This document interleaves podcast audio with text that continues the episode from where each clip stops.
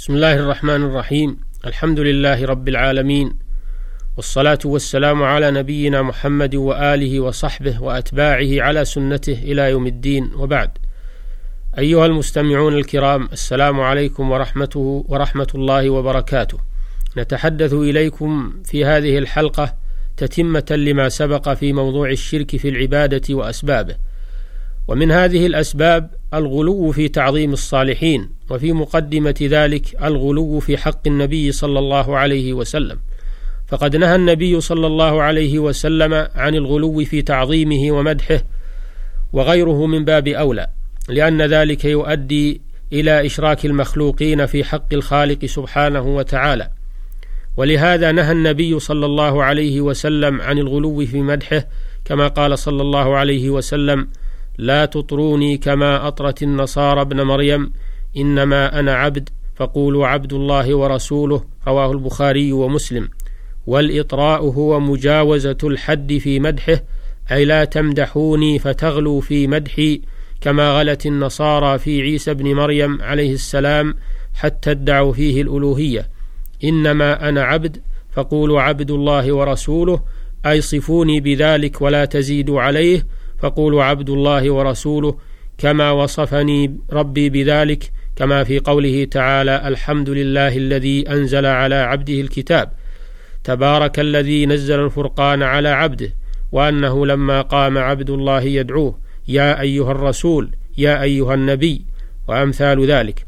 فأبى المشركون إلا مخالفة أمره وارتكاب نهيه فعظموه بما نهاهم عنه وحذر وحذرهم منه وناقضوه أعظم مناقضة وشابهوا النصارى في غلوهم وشركهم.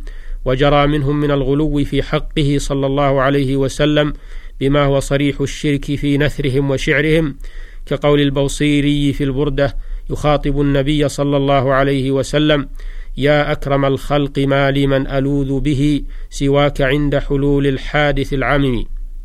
وما بعده من الأبيات الشركية التي مضمونها توجيه الدعاء والعياذ واللياذ بالرسول صلى الله عليه وسلم وطلب تفريج الكربات منه في أضيق الحالات وأشد الصعوبات ونسي الله عز وجل. وذلك أن الشيطان زين لهذا الناظم ولأمثاله سوء عملهم فأظهر لهم هذا الغلو في مدحه وإن كان شركا أكبر أظهره في قال بحبه وتعظيمه صلى الله عليه وسلم وأظهر لهم التزام السنة في عدم الغلو به صلى الله عليه وسلم في قال ببغضه وتنقصه. وفي الحقيقة أن ارتكاب ما نهى عنه صلى الله عليه وسلم من الإفراط في مدحه وترك متابعته في أقواله وأفعاله وعدم الرضا بحكمه هو التنقص الحقيقي له صلى الله عليه وسلم. فلا يحصل تعظيمه ولا تتحقق محبته إلا باتباعه ونصرة دينه وسنته والدعوة إلى ذلك وموالاة من آمن به وبغض من خالفه. وإذا كان الغلو في حقه صلى الله عليه وسلم ممنوعا فالغلو في حق غيره من الصالحين من باب أولى. والمراد بالغلو في الصالحين رفعهم فوق منزلتهم التي أنزلهم الله إلى ما لا يجوز إلا لله من الاستغاثة بهم في الشدائد والطواف بقبورهم والتبرك بتربتهم وذبح القرابين لأضرحتهم وطلب المدد منهم. وقد أدخل الشيطان الشرك على قوم نوح من باب الغلو في الصالحين فيجب الحذر من ذلك وإن كان القصد حسنا وقد وقع في هذه الأمة مثل ما وقع لقوم نوح لما أظهر الشيطان لكثير من المفتونين الغلو والبدع في قالب تعظيم الصالحين ومحبتهم ليوقعهم فيما أوقع به قوم نوح من قبل.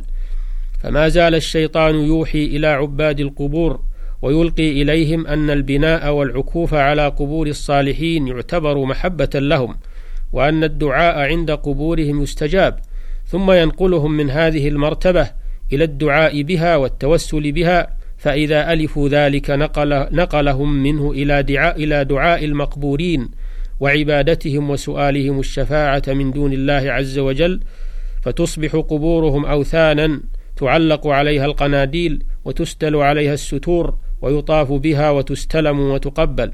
فإذا ألفوا ذلك نقلهم إلى أن يدعو الناس إلى عبادة هذه القبور واتخاذها أعيادا ومناسك. فإذا ألفوا ذلك وتقرر عندهم نقلهم إلى اعتقاد أن من نهى عنه فقد تنقص الأولياء وأبغضهم وزعم أنه لا حرمة لهم ولا قدر لهم. وقد سرى ذلك في نفوس كثير من الجهال والطغام وكثير ممن ينتسب إلى العلم والدين حتى عادوا أهل التوحيد ورموهم بالعظائم ونفروا الناس عنهم. فعلوا ذلك كله تحت ستار حب الصالحين وتعظيمهم وقد كذبوا في ذلك. لأن محبة الصالحين على الحقيقة تكون على وفق الكتاب والسنة وذلك بمعرفة فضلهم والاقتداء بهم في الأعمال الصالحة من غير إفراط ولا تفريط. يقولون ربنا اغفر لنا ولإخواننا الذين سبقونا بالإيمان ولا تجعل في قلوبنا غلا للذين آمنوا ربنا إنك رؤوف رحيم. قال شيخ الإسلام ابن تيمية رحمه الله فكل من غلا في نبي أو رجل صالح وجعل فيه نوعا من الإلهية مثل أن يقول يا سيدي فلان انصرني أو أغثني أو ارزقني أو أنا في حسبك ونحو هذه الأقوال فكل هذا شرك وضلال يستتاب صاحبه فإن تاب وإلا قتل فإن الله سبحانه وتعالى إنما أرسل الرسل وأنزل الكتب ليعبد وحده لا شريك له ولا يدعى معه إله آخر. والذين يدعون مع الله إلها آخر مثل المسيح والملائكة والأصنام مثل المسيح والملائكة والأصنام لم يكونوا يعتقدون أنها تخلق الخلائق أو تنزل المطر أو تنبت النبات وإنما كانوا يعبدونهم أو يعبدون قبورهم أو يعبدون صورهم ويقولون ما نعبدهم إلا ليقربونا إلى الله زلفى ويقولون هؤلاء شفعاؤنا عند الله. فبعث الله سبحانه رسله تنهى أن يدعى أحد من دونه لا دعاء عبادة ولا دعاء استغاثة. انتهى كلام الشيخ رحمه الله.